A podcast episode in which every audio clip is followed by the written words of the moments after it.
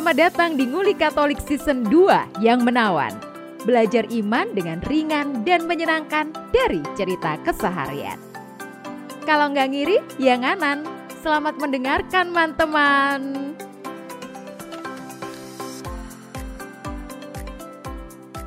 Waktu ke gereja hari Minggu kemarin, Minggu Prapaskah kelima itu kan uh, mungkin teman-teman sempat lihat ya, patung-patungnya patung-patungnya pada ditutup kan? Iya.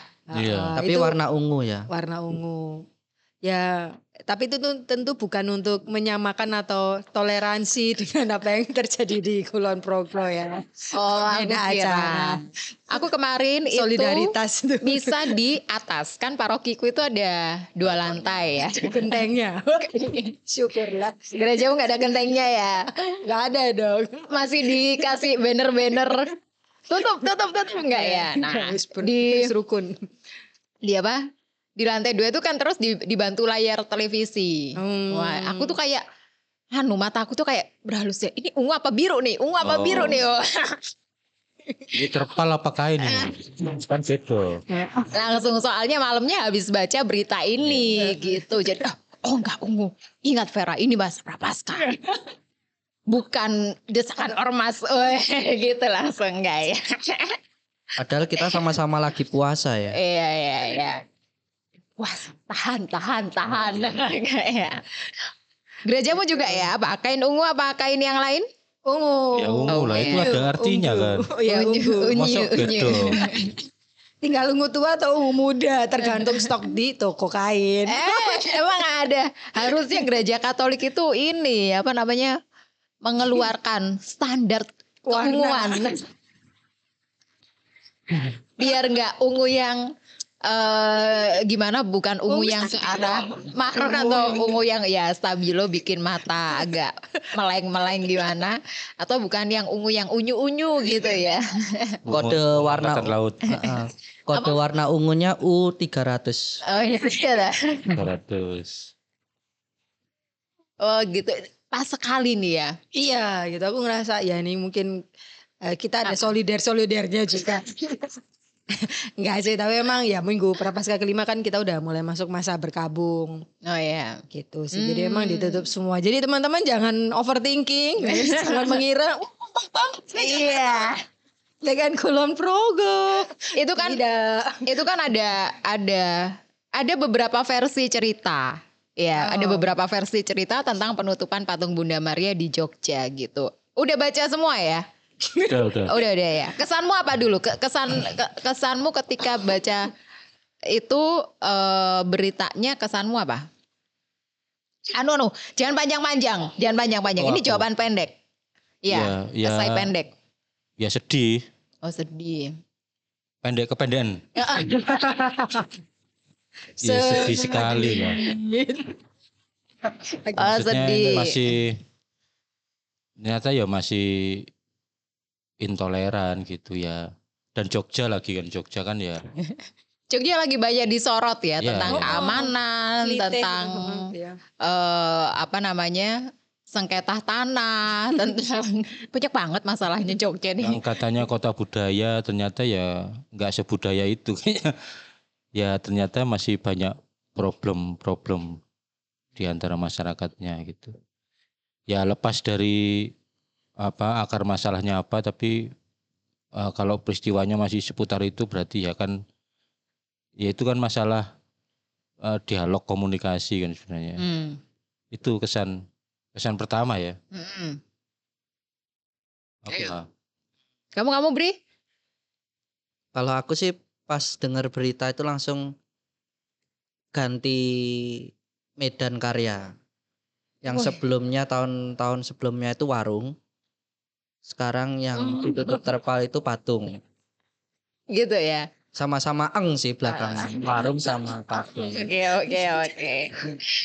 Ganti nih objeknya ganti Ah, ah. gitu. Oh ya ya. Kepikiran juga ya. Aku nggak aku aku nggak kepikiran. Itu karena ya pikirnya eh kalau warung kan pasti merugikan orang eh, yang jualan, kasihan. iya. Karena sahabat seiman jualan. Hmm. Tapi kalau patung kan dia kan benda mati gitu. Gak bakalan ngerugiin secara material Ha-ha. gitu ya. Kalau aku kesan pertamaku, oh, ada ya rumah doa ini.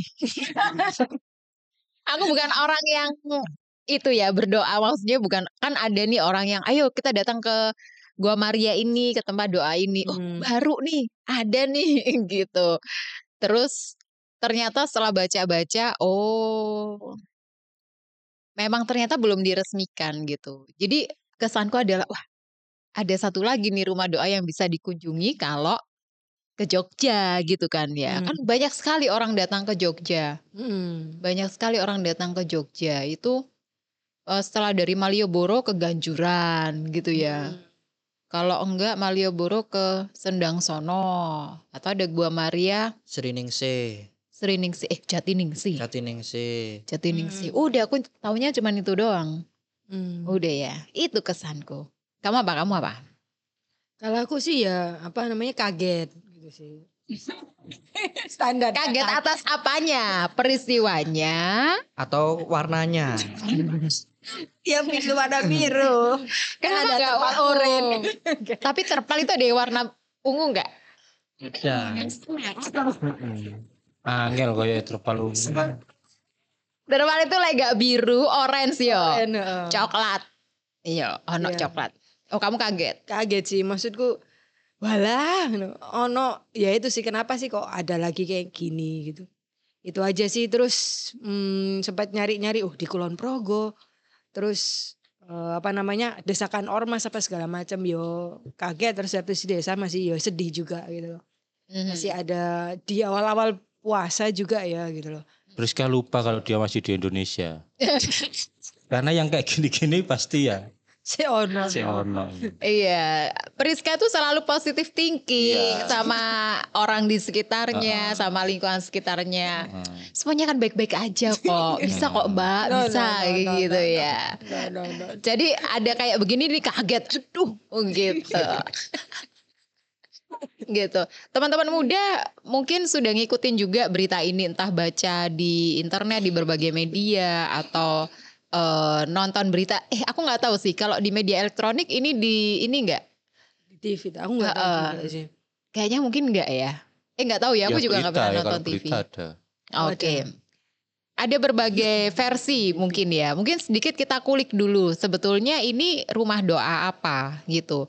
Ini kayaknya rumah orang pribadi. Namanya Pak Yohanes Sutarno. Yakobus Sugiarto. Yakobus. Pak Sutarno itu adiknya Oh, Pak iya, iya. Sugiarto. Oh. Oke, oke. Gitu. Pak Yakobus Sugiarto itu punya rumah di eh, Dukuh apa namanya? Duku Ledoh, Kupang. ledoh, Duku Ledoh, Ledoh. Degolan. Degolan. Degolan. degolan. Degolan Kulon Progo ya. Nah, dia itu Rendah, kok ledoh. lendah. Ya. Desa Awe. Bumi Rejo, Lendah, Kulon Progo, Yogyakarta. Iya, nah Oh. dukunya tuh Degolan namanya. Si bapaknya Pak Sugiarto ini dulu juga pernah jadi kayak ke- ketua duku gitu loh. Oh. Gitu. Nah, Kami tua, kami tua. Hmm. iya gitu. Terus Pak Sugiarto ini merantau ke Jakarta, Sukses. tinggal di Jakarta sukses, lalu dia bangun rumah itu untuk Ya. rumah singgah awalnya. Lalu di situ juga ada makam mendiang istrinya Ya. gitu. Jadi Dia di pinginnya dimakamkan di situ juga. Oh, itu aku baru tahu. Itu dijadikan makam ini ada. Oh, jadi ada bagian kompleks pemakaman gitu ya. Ya. Hmm. 1200 meter persegi tepat di depan Masjid Al Barokah. Oh, itu aku baru tahu posisi itu. Persis oh, jadi ini, Nah, itu ini masalahnya. yang memantik ya. Ya. Nah, awalnya rumah singgah, terus Desember 2022 itu dia di, diserah terimakan ke sebuah pengelola, eh seorang pengelola untuk dijadikan rumah doa. Jadi ada oh, itu paroki setempat berarti. ya ada kayak pengurus umat setempat gitu Hmm. diangkat untuk Lalu dipasang laplang itu. ya Sasana Adi salah. Adirasa Santo Yakobus. Oh ya, Sama Sasana. doa. Sasana Enggak. Adirasa. nggak harus ya Enggak harus. Sasana itu tempat, Pak. Sasana Ya. Krida. Bahasa Sanskerta. Sasana Krida Jati Jajar itu tempat latihan tinju emangnya. Tinju gagasan. Oh, ada sasana kuat berani itu ada. Ah. Ono, ono kromo gitu. nah, itu malah. Rencananya ngawur langsung. Jenenge kuat berani. Mungkin eh, mungkin nanti berikutnya adalah sasana kuat ma'ruf.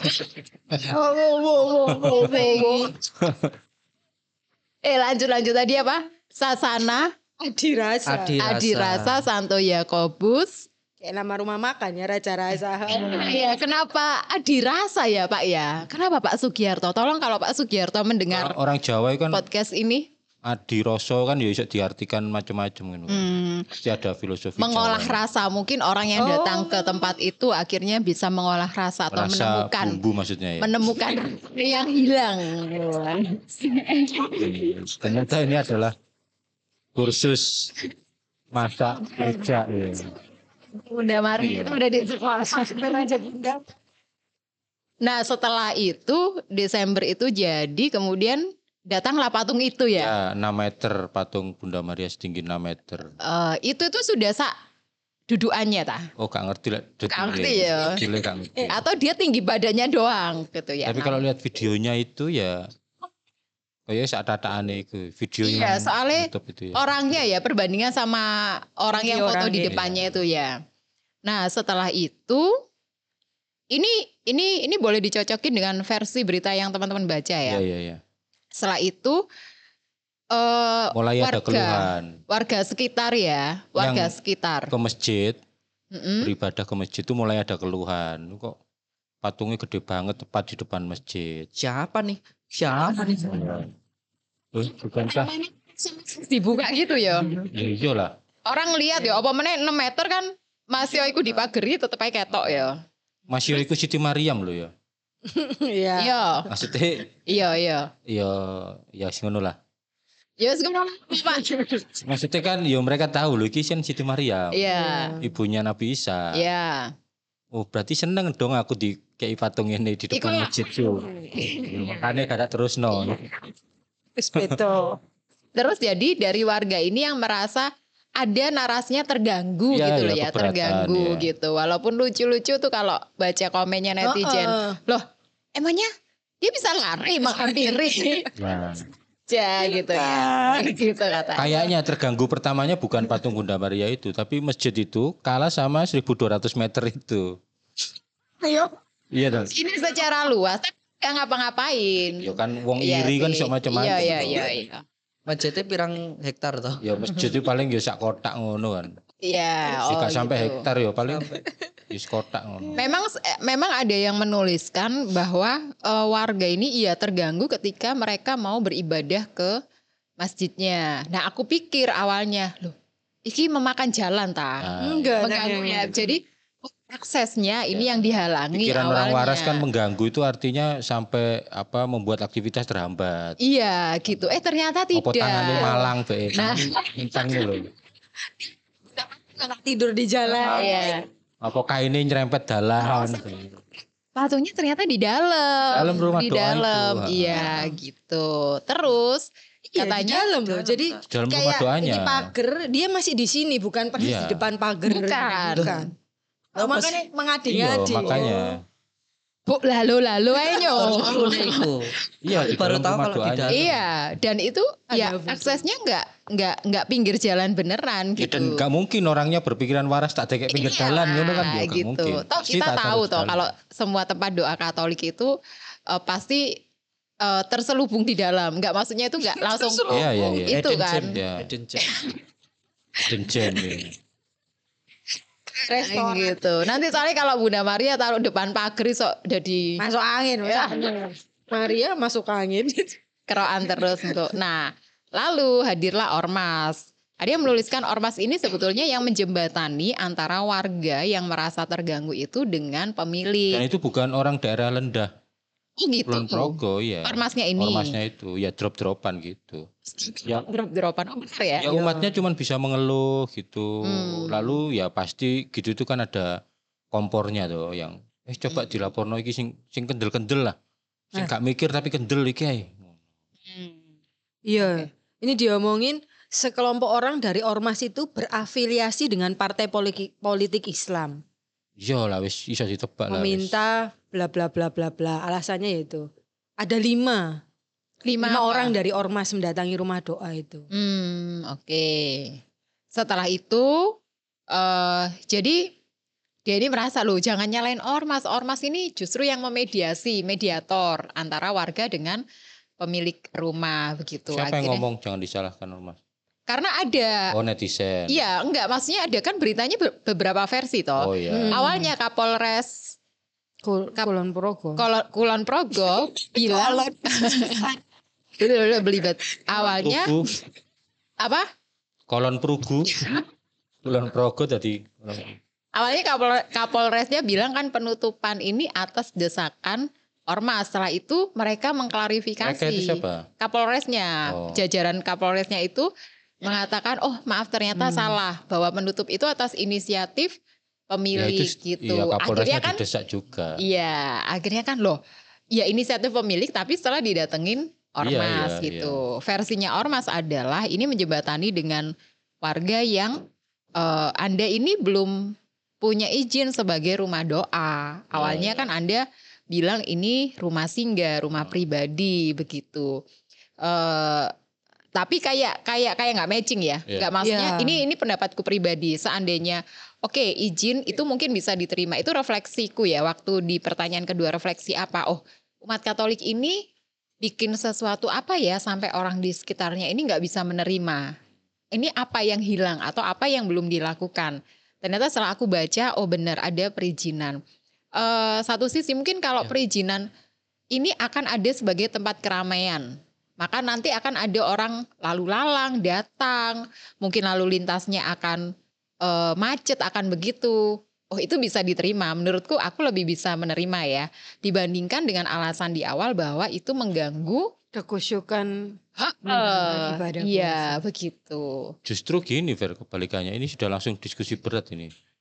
Aku gak setuju. Justru perizinan itu sebenarnya menjadi celah untuk dipersoalkan oleh kelompok lain yang akarnya sebenarnya adalah intoleransi.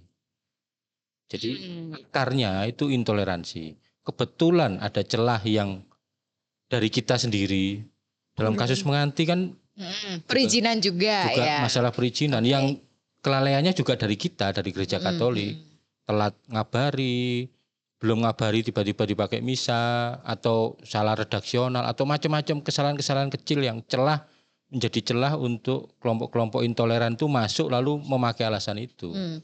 Artinya kalau dasarnya udah toleransi, oh ini oh ini belum izin, oh ya udah nggak Ya apa-apa. betul. Maksud Oh, saya oke, oke. kalau akarnya bukan intoleransi, ketika perizinan itu ada masalah sedikit justru dibantu. Oh ya, untuk Dibantu, segera disupport muncul gitu. atau untuk Ah, segera keluar perizinannya. bukan oh malah ya, mendesak supaya begitu. saudaraku ini bisa Betul. segera berdoa. Justru gitu kalau ya. misalnya yang si A ini belum, misalnya kayak yang kejadian di mana yang ketua RT-nya di Lampung itu yang nutup, Oh Ibadah gereja, itu. Hmm. eh, ibadah Kristen. dia sudah bertahun-tahun eh, mempersoalkan soal perizinan. Kenapa dia tidak membantu? Ayo tak bantu perizinan di RT, RW sampai secara dia punya jabatan Iya, ya, dia maksudnya punya- punya, punya kekuasaan untuk legalitas itu, itu. ya. Heeh. Hmm.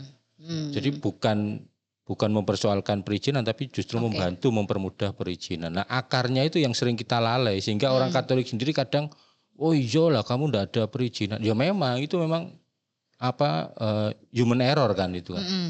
Ada yang eh, eh, perizinannya sudah benar, kalimatnya salah misalnya.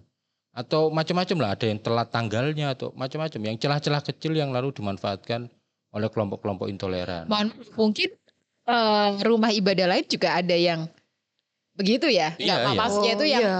bi- bisa jadi juga nggak ada Oh, izinnya malah nggak ada gitu. izin, Iya. nggak ada IMB. Nggak ada IMB Kalau gitu, yang tapi ya rumah ibadah lain, iya. Tapi Kalau ya misalnya mau diberlakukan ya. setara, Iya, ya iya. bakal Iya. ini sih banyak Betul. yang Oh banyak sekali. kena.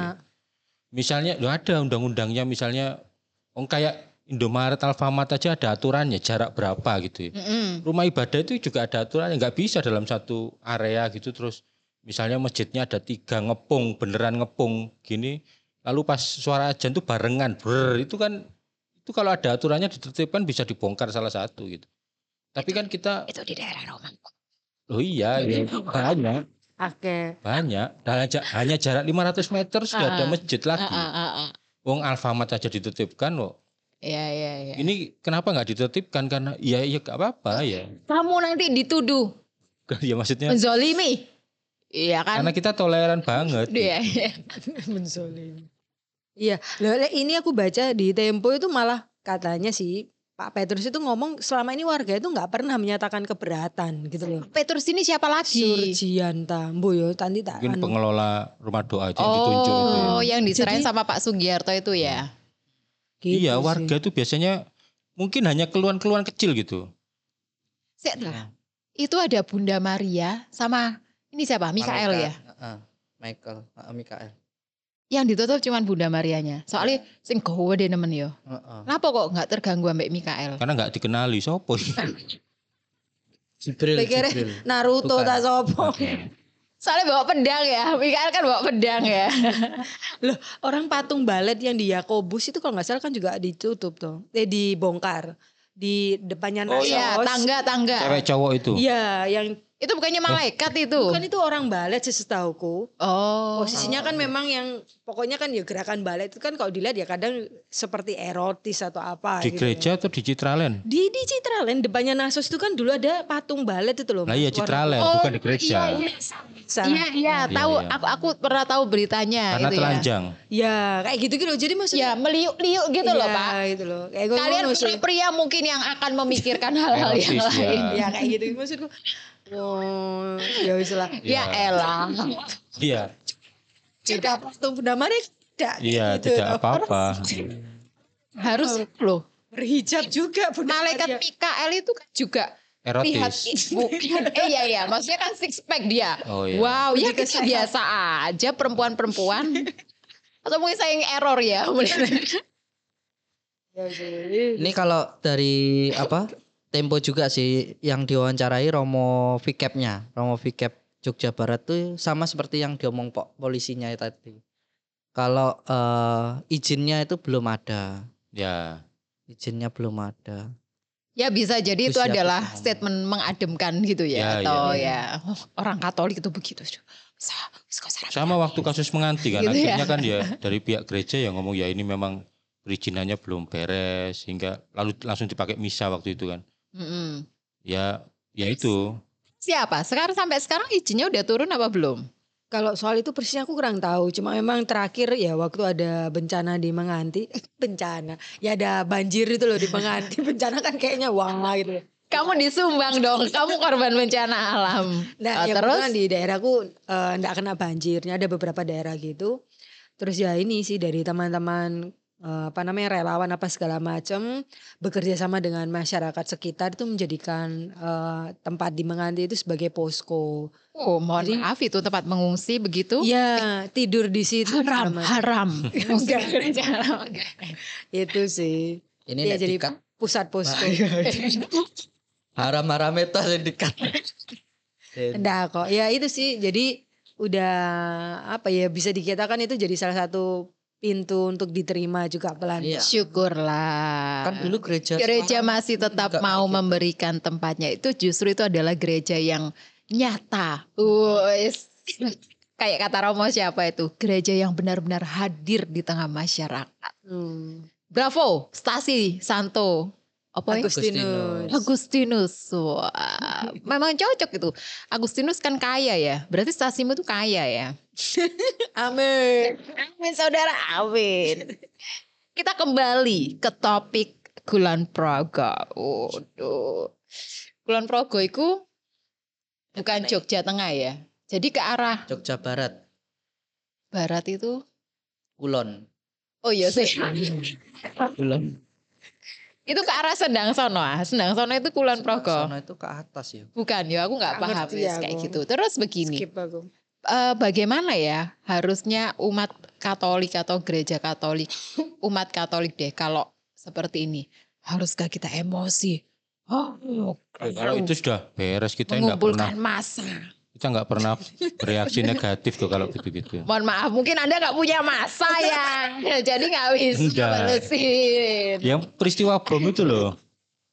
Anda nggak punya ormas ya. Peristiwa bom 2018 itu apa yang kita lakukan? Berdoa. Apa saya bom apa 18? 2018 ya.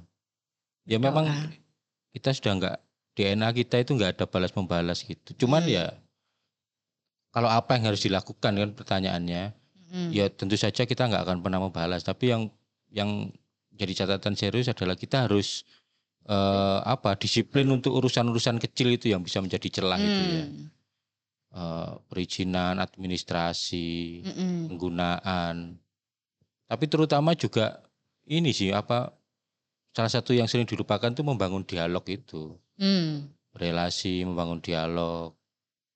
Kalau eh, salah satu yang jadi apa akar masalahnya itu adalah dari kasus ini ya perubahan dari rumah pribadi menjadi apa namanya rumah doa itu. Waduh. apalagi saya nggak tahu masang itu ya masang masang apa itu Eh ya apa nama tempatnya dipasang di situ rumah doa Mm-mm. Lengkap dengan nama yang sudah resmi sasana Adi Bakti itu Rasa. ya itu itu kan ya awalnya mungkin pertanyaan gitu tapi lama-lama itu bisa menjadikan eh, memercikan eh, persoalan yang lebih berat gitu Mhm. Nah itu mestinya di ya memang dikomunikasikan dan lain sebagainya dialog lah. Ini terlepas dari kita ini minoritas atau bukan ya. Jadi ajaran untuk berdialog dengan eh, pemeluk agama lain, dengan masyarakat setempat itu adalah ajaran Katolik yang baik di mana pun. Iya. Artinya bukan karena bukan ya itu Bukan karena semakin ada kepentingan Iya, dan itu semakin dibutuhkan di Indonesia karena umat Katolik di Indonesia itu minoritas. Jadi dialog itu justru menjadi harus sangat kita, harus dilakukan. Wajib hukumnya. Mungkin kalau di negara lain yang menjadi mayoritas ya tetap ada dialog, tapi tidak menjadi hal Tidak yang riskan gitu, ya. tidak seintensif di Indonesia gitu. kita yang harus inisiatif mendahului berkali-kali ngajak ngobrol. Ya gitu memang ya. Ini bukan bersifat kalah gitu tapi ya memang eh, rendah hati, bersikap rendah hati untuk yang mengawali dialog dan seterusnya. Ini nanti kalau misalnya udah keluar izinnya, kita ke sana yuk ya. Foto-foto, wow, kita foto-foto di rumah doa yang sempat viral guys. Backgroundnya langsung masjid ya. Hey, langsung nanti rame. Oh ini dulu yang yang viral gitu. Ya tapi nggak tahu ya. Akhirnya tetap bisa menjadi rumah doa atau Nah, malah tapi ditutup untungnya kan nggak kita ada tahu. kekerasan fisik. Hmm. untungnya nggak ada kekerasan fisik dan eh, yang inisiatif menutup itu ya dari pemiliknya ya setelah didesak itu lalu dia mendatangkan terpalnya dari Jakarta wis langsung ditutup gitu. Eh kamu kok tahu lek terpali dari Jakarta? ini ada investigasi saya punya Oh. investigasi Wow, emang di Kulon Progo nggak ada yang jualan terpal? ini langsung sebesar itu langsung siap untuk membungkus Oh, custom ini custom, ya.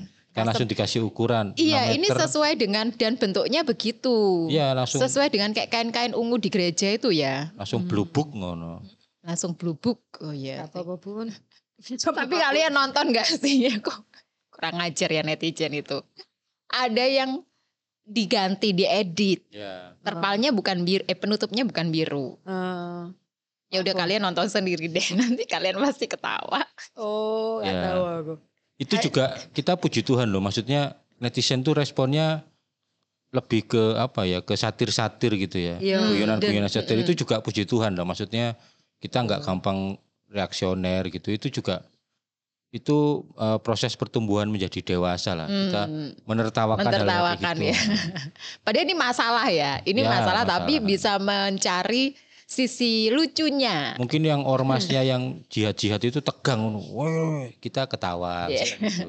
Kita Dan ada meme. Ba- Banyak komentar juga dari teman-teman yang muslim juga yang iya iya me, ya itu me, apa ya? ya mereka malu lah aduh Heeh, kok ngene sih mempertanyakan gitu.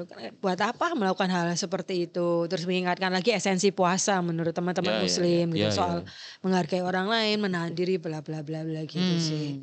Jadi eh, tidak hanya semata-mata mengatur urusan orang lain gitu loh, tapi Hmm. diri sendiri kayak gitu. Cukup banyak yang oh, Bijak sekali. ya Itu temanmu. Oh, faksi lain. Oke, kita sih tidak berharap ya ini tuh terjadi di Keuskupan Surabaya ya. Tapi boleh kita sangkut pautkan dengan kalian. Dan itu udah kuis. Eh, handphonemu Brian. Oh, bukan ya. Dengan Ardas Keuskupan Surabaya. Ardas eh yang Ar- kedua. Ayo ke berapa ya? MC kok lupa. Musyawarah pastoral. Aku tanya MC lagi ya. Tiga kali. Ayo, Yudit, sebutkan Ardas Keuskupan Surabaya 2019 hingga ya 2000 berapa? Ya 2030. 2009. Oh ya. wes. 20 sampai 30. Iya Oh ya 20 sampai 30. pelaksanaannya ya. Persekutuan murid-murid Kristus. Wis. Terus Semakin dewasa dalam iman, Ya. guyup, penuh pelayanan. Dan penuh pelayanan, guyup dan Jadi itu visioner. itu kan rumusan cita-cita bersama sejak 2009. sejak Mupas pertama 2009. Lalu di eh, Mupas kedua, Ardas kedua, rumusan cita-cita bersama itu di dipreteli kecil-kecil. Hmm. Jadi murid-murid Kristus itu apa? Persekutuan itu artinya apa? Dewasa dalam iman tuh dipreteli kecil-kecil menjadi beberapa eh, ajaran-ajaran iman. Itu Hmm. yang hasil dari Mupas kedua itu itu. Wah, kalau seperti ini nih cocok dengan pretelan yang mana ya? Pretelan yang ketiga yaitu dewasa dalam iman. Kok yo kebetulan dari lima poin pretelan itu yang dewasa dalam iman itu paling paling banyak poinnya. Kalau yang murid-murid Kristus itu dipreteli menjadi sembilan sembilan poin. Jadi murid-murid Kristus itu ada sembilan poin, sembilan hal gitu yang diajarkan. Maksudnya siapa murid-murid Kristus itu harus gimana gitu ya? Kristus sebagai guru itu gimana Hmm. dan seterusnya. Lalu untuk persekutuan itu ada 12. Nah, yang paling banyak itu dewasa dalam iman itu ada 13 hal yang diajarkan. Untuk yang guyup dan penuh pelayanan itu jadi satu, guyup dan penuh pelayanan itu ada 8 pretelan eh, sub itu butir-butir lah istilahnya di sini butir-butir. Butir-butir penjelasan. Butir-butir penjelasan arah dasar. Kalau misioner itu ada enam. Dari situ aja kelihatan bahwa kita memang fokusnya, eh, bukan fokusnya, maksudnya menitik beratkan ke dewasa dalam iman yang sangat eh, kontekstual dewasa ini ya. Maksudnya kita sangat membutuhkan umat yang eh, dewasa. Apa? Kamu bisa sarikan nggak? Peraskan nggak? Wih, wih, wih. Peraskan.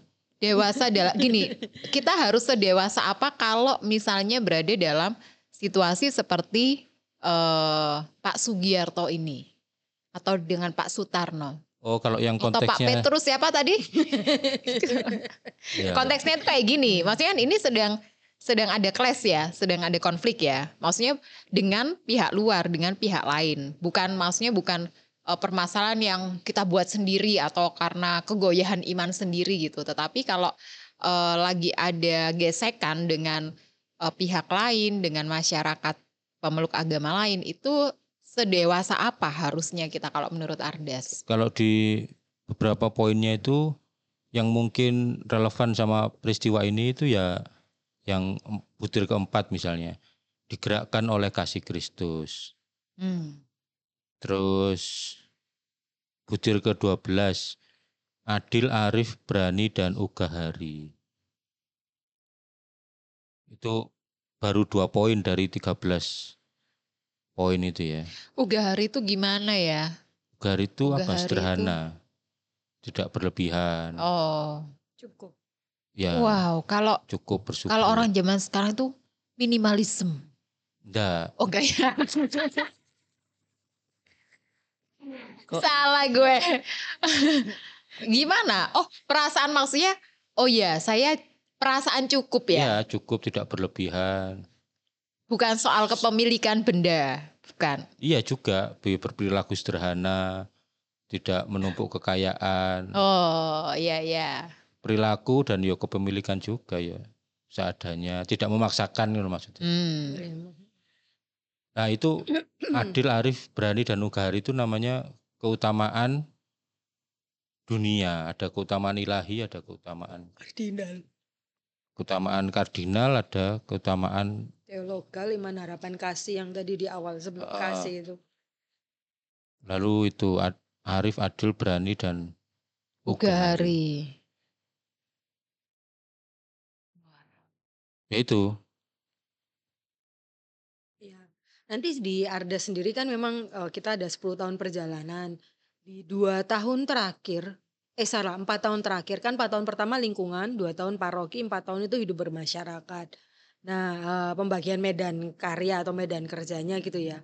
Jadi mungkin tiga tahunan lagi ya bukan berarti terus sekarang kita tidak hidup bermasyarakat ya, tapi Mm-mm. sampai sudah dibagi seperti itu mungkin akan jauh lebih eh, eks- apa ya intensif dan sebagainya ya yaitu empat tahun terakhir gitu benar-benar bagaimana gereja itu bisa menjadi garam dan terang di tengah masyarakat. Memang kalau dari segi jumlah misalnya kita target gitu ya di 10 tahun lagi umat Katolik ada lim- 50 peningkatan sampai 10 persen di seluruh Indonesia. Itu kan ya memang susah ya nggak gampang. Apalagi karena apa ya satu sisi banyak kita ada panggilan hidup eh, para imam dan biaran biarawati jadi ada opsi-opsi lain selain berkeluarga.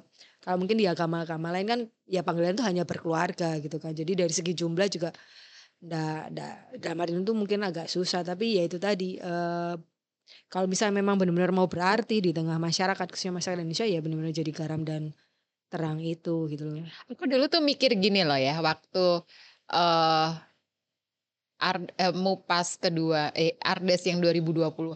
Ya ampun, eh, lingkungan, iya kan kembali ke lingkungan. Mengolah lingkungan aja harus sampai 4 tahun ya gitu ya. Itu Hmm. dalam pikiranku ya. Kan maksudnya di mana komunitas lingkungan, persekutuan lingkungan itu kan emang dari dulu udah ada di gereja Hmm. Katolik. Tetapi sekarang baru kerasa ya. Hmm. Baru kerasa bahwa bayangin baru di tahun ketiga ini aku baru ngerasa oh iya memang dulu kan paroki itu ngasih udah semua kegiatan di lingkungan balik ke lingkungan kayak gitu Eh, orang-orang di lingkungan dicari lagi warga lingkungan dicari lagi Hmm. gitu wah ternyata itu butuh waktu ya gitu Hmm. dulu kan mikirnya oh setahun nih ngapain sih sampai empat tahun tuh males Hmm. banget gitu harus apa-apa lingkungan sampai empat tahun gitu. Ternyata ya tahun ketiga pun oh iya masih harus membangun membangun membangun. Luar Iya. biasa Hmm. sekali ya pemikir-pemikir Ardas ini keuskupan Hmm. Surabaya. Para katekis ini bukan. Oh, bukan ya. Romo ya? Romo. Romo jangan. Jadi kreditnya ke nggak hanya berhenti sampai empat tahun itu terus selesai, oh iya betul. tapi terus oh ya Hmm. setelah akarnya kemudian ke batangnya paroki Betul. gitu ya. Terus baru nanti ke eh, daun-daun dan buahnya itu di Heeh. masyarakat ya hmm. Empat Iya. tahun pertama itu yang berat ya membangun kesadaran dulu kan. ya Bahwa ya garda terdepan atau eh, gambaran real gereja itu ada di lingkungan itu. Mm-mm. Nah itu kesadaran itu yang mungkin masih belum terbangun sehingga seolah-olah oh gereja itu adalah pengurusnya misalnya. Ya itu kan eh, salah kaprah yang sudah bertahun-tahun sehingga kayak jabatan DPP BKKP itu yang paling bergengsi. Mm-mm. Rapat DPP itu ketua lingkungan tidak pernah ikut misalnya. Padahal yang benar-benar ada di masyarakat yang mengalami masalah-masalah real itu ya ketua ketua lingkungan, lingkungan, itu para pengurus lingkungan. Nah, rapat DPP tidak pernah diikutkan, tapi cuman drop-dropan ada program kegiatan cuman disuruh melaksanakan gitu. Sekarang dibalik ya ini yang apa berasal dari bawah Berasal ya dari bawah. berasal dari lingkungan kebutuhan lingkungan butuhnya apa itu Ya. baru yang akan diolah di paroki Heeh. gitu wow bahkan ada pelatihan sekali. pelatihan fungsionaris lingkungan dilatih Mm-mm, gitu. betul diberikan pandangan-pandangan wah ini semoga ini tidak terjadi di Surabaya Surabaya adalah kota yang toleran Iya. Kapan hari udah ada pawai ogo-ogo?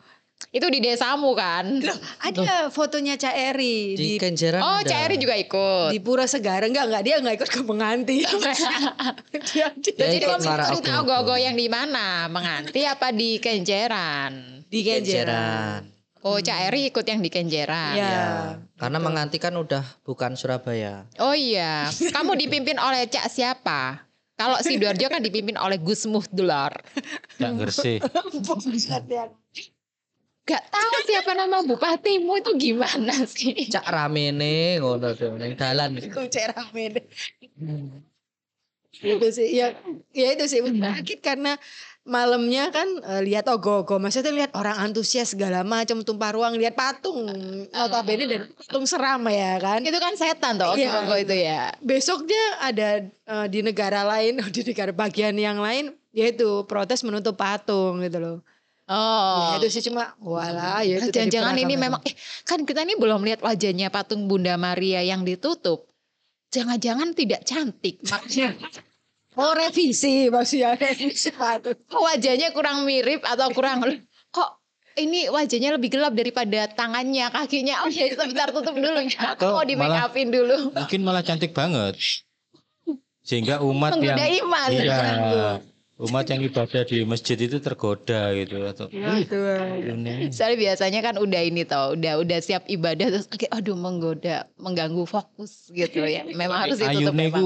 cantiknya itu standar kulon progo iku. Jadi wah ayu banget itu. Udah Maria Oke. jadi gadis desa. Nah, Oh iya iya. cantiknya itu setara kembang desa di situ. Oh, iya. Bisa jadi, bisa jadi.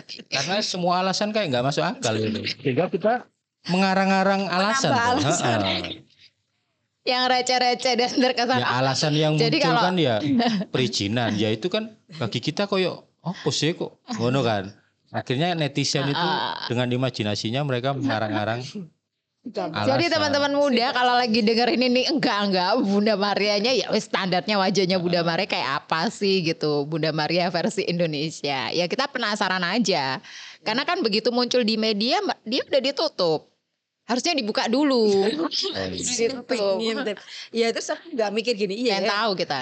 berarti ya ini nggak tahu ini terlalu jauh atau bagaimana ya. Aku merasa memang ya Bunda Maria memang powerful banget ya dalam arti tertentu ya. Oh iya. Oh iya.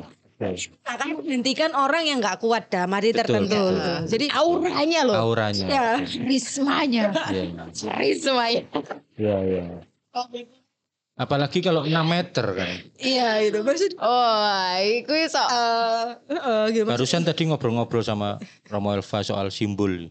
Simbol kenapa dulu orang-orang eh kerajaan-kerajaan itu raja-raja itu membangun simbol dirinya patung Hmm. besar itu supaya membuat rakyatnya itu kecil di hadapan dia supaya dia Hmm. rakyatnya merasa kecil aku ini tidak ada apa-apanya gitu maka ada bangunan ada patung ada yang bentuknya apa Me- megah-megah ya besar megah gitu. raksasa gitu.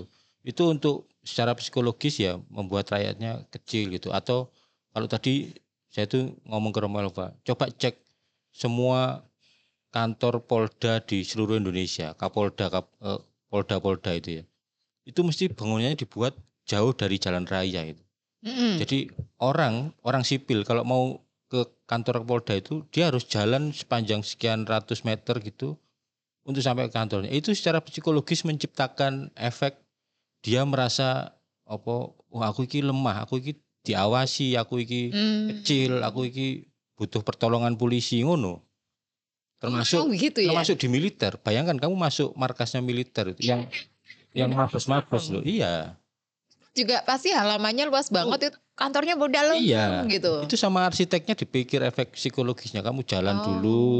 Di situ kan kamu merasa, oh aku ini gak ada apa-apanya. Iya. Aku ini Gede butuh. banget nih. Ah, Aku ini masyarakat biasa nih. ah. bangunan gereja kan juga kayak menjulang gini tuh, kayak agung gitu ya, supaya supaya merasa kecil gitu. Hmm. Nah, mungkin itu tadi yang disebut Priska efek Bunda Maria, misalnya yang 6 meter itu lalu ngefek bang, oh ini Siti Mariam, ibunya Nabi Isa, ya ampun, ngono kan.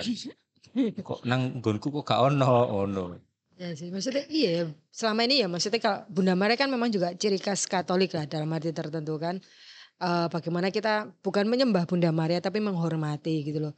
Ya aku jadi berpikir iya berarti emang benar gitu loh. Eh, dalam arti itu memang kalau kita benar-benar ikut Bunda Maria apa segala macem ya pasti kita tuh dibawa pada Yesus gitu loh. Ya mungkin juga mungkin ya itu tadi ya Mungkin- memang pengaruhnya sampai segitu Ya. ya, takut katut Yesus.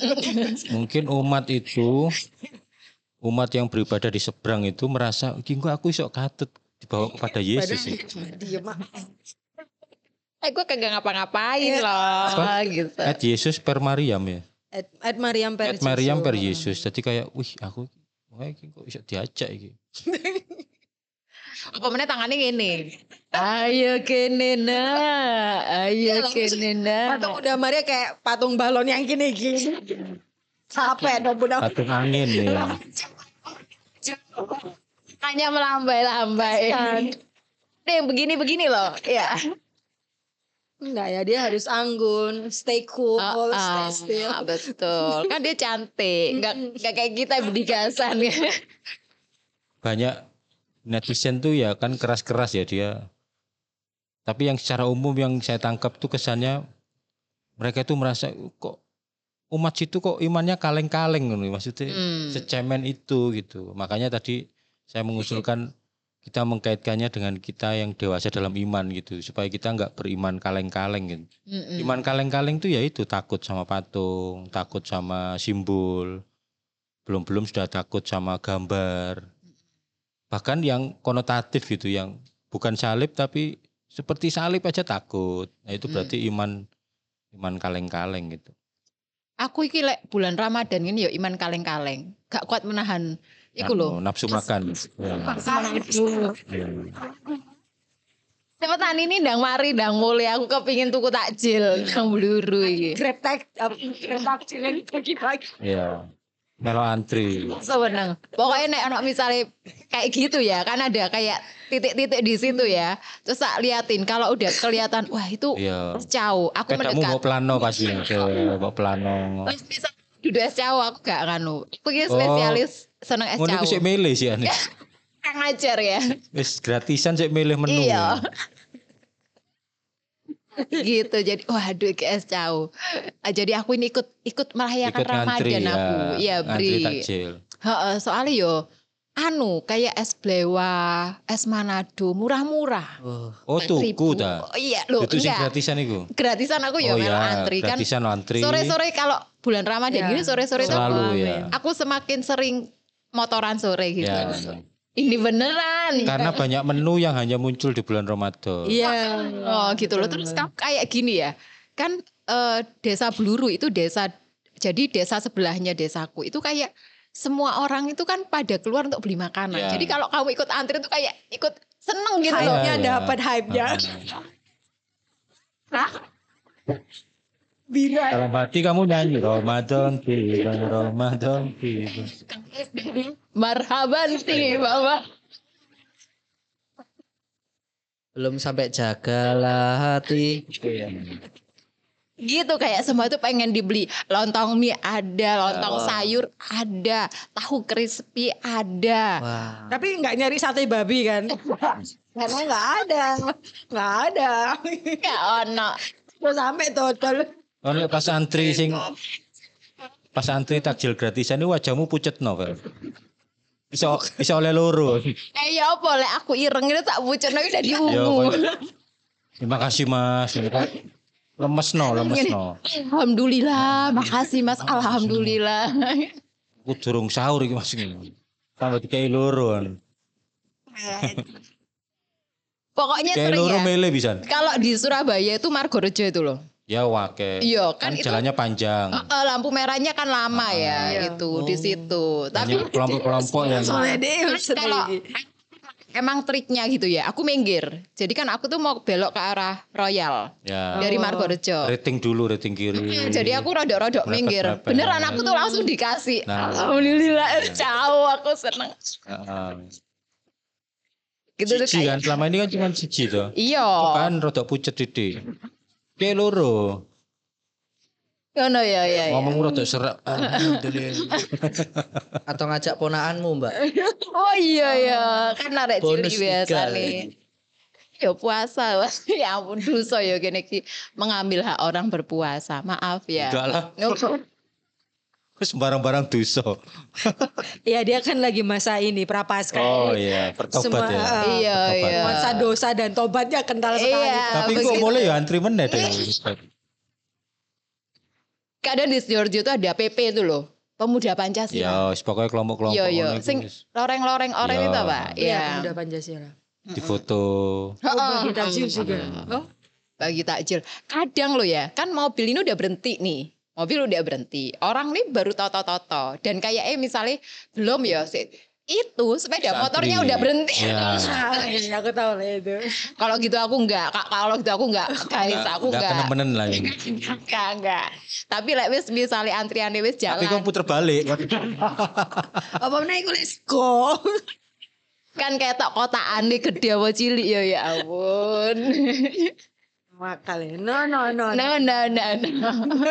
Oh no no no. Kita seru deh pokoknya. Selamat eh, bagi umat Katolik di Kulon Progo, selamat berefleksi atau juga tetap semangat. Kami yakin di sana. Tadi Vikep mana? Jogja Barat. Jogja Barat. Romo siapa? Romo Yudo. Yu. Yudo Anggoro. Aduh. Lupa. Romo Yudo selamat mengawal ini mungkin eh apa proses Yudono Suwondo. perdamaian perdamaian antara keluarga Bapak Sugiarto dan eh, warga Lendah Kulon Praga. Gitu ya, selamat berpuasa juga untuk teman-teman muslim. Semoga puasanya eh, genap sampai nanti hari nan fitri tiba. Dan kalaupun bolong ya dijoli kan ada aturannya dijoli tuh. Iya, iya. Tapi biasanya yang bolong itu cuma cewek. Oh, Oh iya. kalau cowok bisa sakit mah itu nggak apa-apa. Wih kok kayak aku ngerti-ngerti ya. gitu ya, makasih ya teman-teman. Sampai ketemu episode berikutnya. Ya semoga nggak ada berita-berita yang begitu-begitu lagi. Semoga semuanya serba dikomunikasikan. Ya, amin. Bye bye. Bye bye. Bye.